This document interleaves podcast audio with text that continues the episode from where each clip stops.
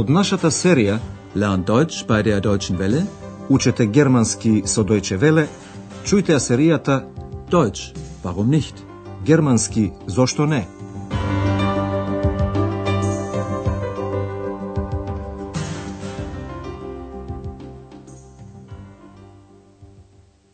Liebe Hörerinnen und Hörer. Добар ден, почитувани слушателки и слушатели. Денеска е последната, 26-та лекција од втората серија под наслов Пловењето до Лорелај е прекрасно. Ди фарт цо Лорелај ist wunderschön. Во последната лекција слушнавте две сцени од Хотел Европа. Една жена го замоли Андреас за такси. Обрнете внимание на заменката Мија пред именката ein Taxi. Können Sie mir ein Taxi bestellen? Подоцна, кога беше малку помирно, господја Бергер го праша Андреас дали овој би сакал со господин Тирман да направи една пловидба со брод. Wir machen zusammen eine Schiffsfahrt. Wollen Sie nicht mitkommen? Пловидбата по Рајна е прекрасна. По реката се минува и покрај една висока карпа со женско име Лорелај. Според легендата, Лорелај седела на карпата и ја чешлала својата убава долга коса. Многу мина бродари, гледајќи ја прекрасната жена, скршнувале од линијата на пловидбата, удирајки во карпата. Андреас, господја Бергер, господин Тирман, а се разбира и екс, се сретнаа на кеот. Сите стојат во долга редица од луѓе кои исто така сакаат да купат билет за пловидба по Рајна. Па едноставно да слушнеме.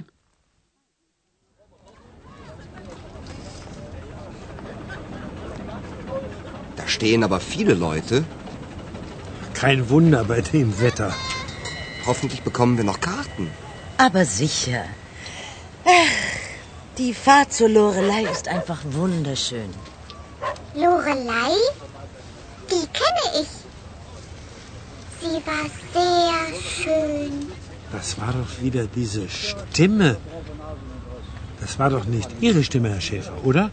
Oh nein, das war seine zweite Stimme. Woher kommt diese Stimme? Tja, das ist das Geheimnis von Herrn Schäfer. Na, du Geheimnis, kennst du denn auch das Lied von der Lorelei? Dann hör mal gut zu. Ich weiß nicht, was soll es bedeuten, dass ich so traurig bin. Во разговорот предимно стануваше збор за Лорелај и за Екс. Чујте го разговорот уште еднаш. Андреас е изненаден од масата луѓе што чекаат. Таму стојат ама многу луѓе. Da stehen aber viele Leute. Бидејќи времето е многу убаво, господин Тирман не се чуди на мешаницата. Kein Wunder bei dem Wetter. Господја Бергер веќе и се радува на пловидбата до Лорелај. Die Fahrt zur Lorelei ist einfach wunderschön. Екс го слушна името Лорелај и спонтано кажува дека тој ја познава Лорелај и дека е многу убава. Lorelei? Die kenne ich. Sie war sehr schön. Господин Тирман, кој е малку наглув, не е сигурен чиј глас слуша. Тој го прашува Андреас, тоа не беше вашиот глас, господине Шефер, или? Das war doch nicht Ihre Stimme, Herr Schäfer, oder? Се замешува господја Бергер, велејки дека тоа е вториот глас на Андреас. Oh nein, das war seine zweite Stimme. Господин Тирман продолжува да прашува за гласот и бара да знае од каде доаѓа тој глас. Woher kommt diese Stimme? Господја Бергер кажува дека вториот глас на Андреас е тајна. Tja, das ist das Geheimnis von Herrn Schäfer. Сега господја Бергер му се обраќа директно на Екс. Таа зборува со Екс како со тајна и го прашува дали ја знае песната за Лорелај. Na, du Geheimnis, kennst du denn auch das Lied von der Lorelei? Екс не ја знае. Тука господја Бергер почнува да ја пее првата строфа. Таа бара од Екс добро да слуша. Dann hör mal gut zu. Во меѓувреме, нашите патници напредуваат со својата пловидба по реката Рајна. Бродот се приближува до карпата на Лорелај. Чујте што кажува капетанот на бродот за Лорелај. Und nun sehen Sie rechts die Lorelei. Sehen Sie genau auf den Felsen. Da war sie, die Lorelei. Sie war wunderschön. Viele, viele Schiffe haben sie gesehen. Einmal und nie wieder. Sehen Sie genau auf den Felsen. Vielleicht sehen Sie sie ja. Капетанот на бродот им кажува на патниците да гледаат во карпата, den Felsen. Sehen Sie genau auf den Felsen. Тој понатаму кажува дека многу бродари, шифа, ја виделе Лорелај.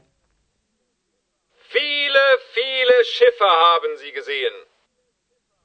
Капетанот на бродот додава дека многу бродари биле восхитени од убавината на Лорелај и така заслепени од незината убавина, бродовите не сакаеки едноставно ги насочувале кон карпата.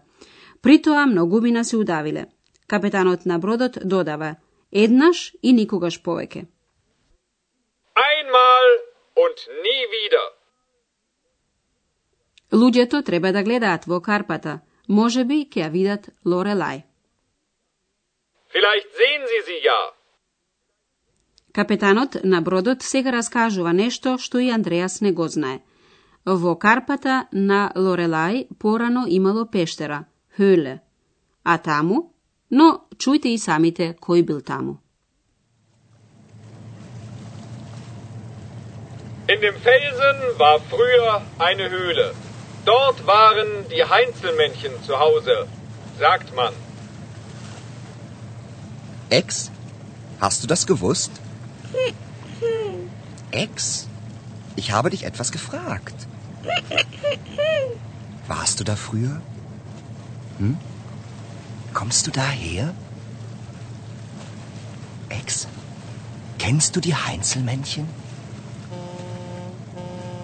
Ex? Wo bist du? Ex? Ich höre dich nicht. Ex! Was ist denn los? Ich glaube, Ex ist weg. Капетанот на бродот кажува дека порано во карпата имало пештера. In dem Felsen war früher eine Höhle.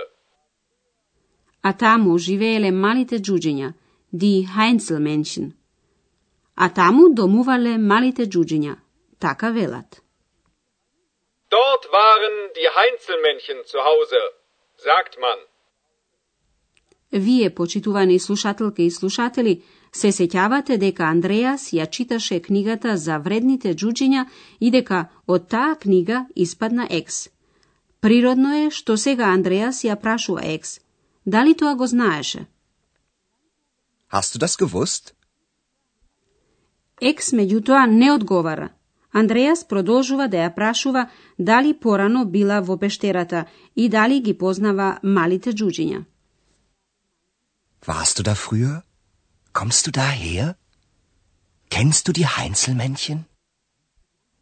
Залудно. Андреас не добива одговор. Откако господја Бергер го прашува што се случува, Андреас изразува срав дека екс може би повеќе ја нема, дека е замината. Was ist denn los? Ich glaube, Ex ist weg. На крајот, да го чуеме диалогот уште еднаш.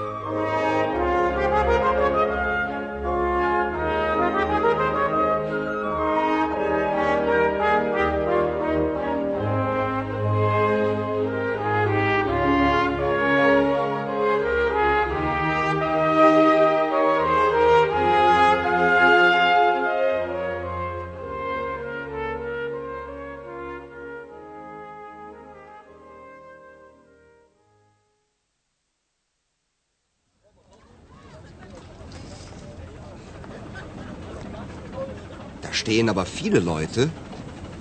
Kein Wunder bei dem Wetter. Hoffentlich bekommen wir noch Karten. Aber sicher.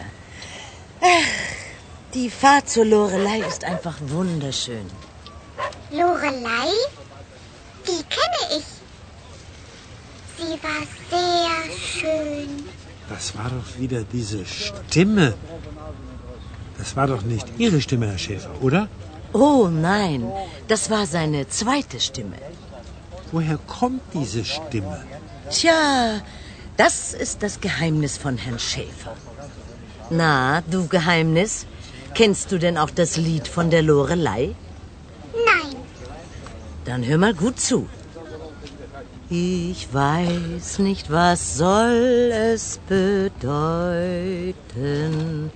dass ich so traurig bin.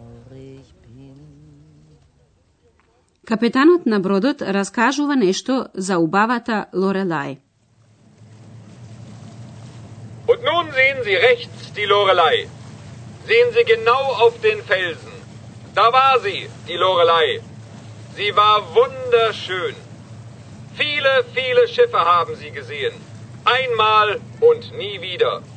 Sehen Sie genau auf den Felsen. Vielleicht sehen Sie sie ja. Потоа Андреас дознава дека во пештерата живееле и малите джуџиња. In dem Felsen war früher eine Höhle. Dort waren die Heinzelmännchen zu Hause, sagt man. Ex? Hast du das gewusst? Ex? Ich habe dich etwas gefragt. Warst du da früher? Hm? Kommst du daher? Ex? Kennst du die Heinzelmännchen? Ex? Wo bist du? Ex? Ich höre dich nicht. Ex! Was ist denn los? Ich glaube, Ex ist weg. Андреас вака не ја познава екс.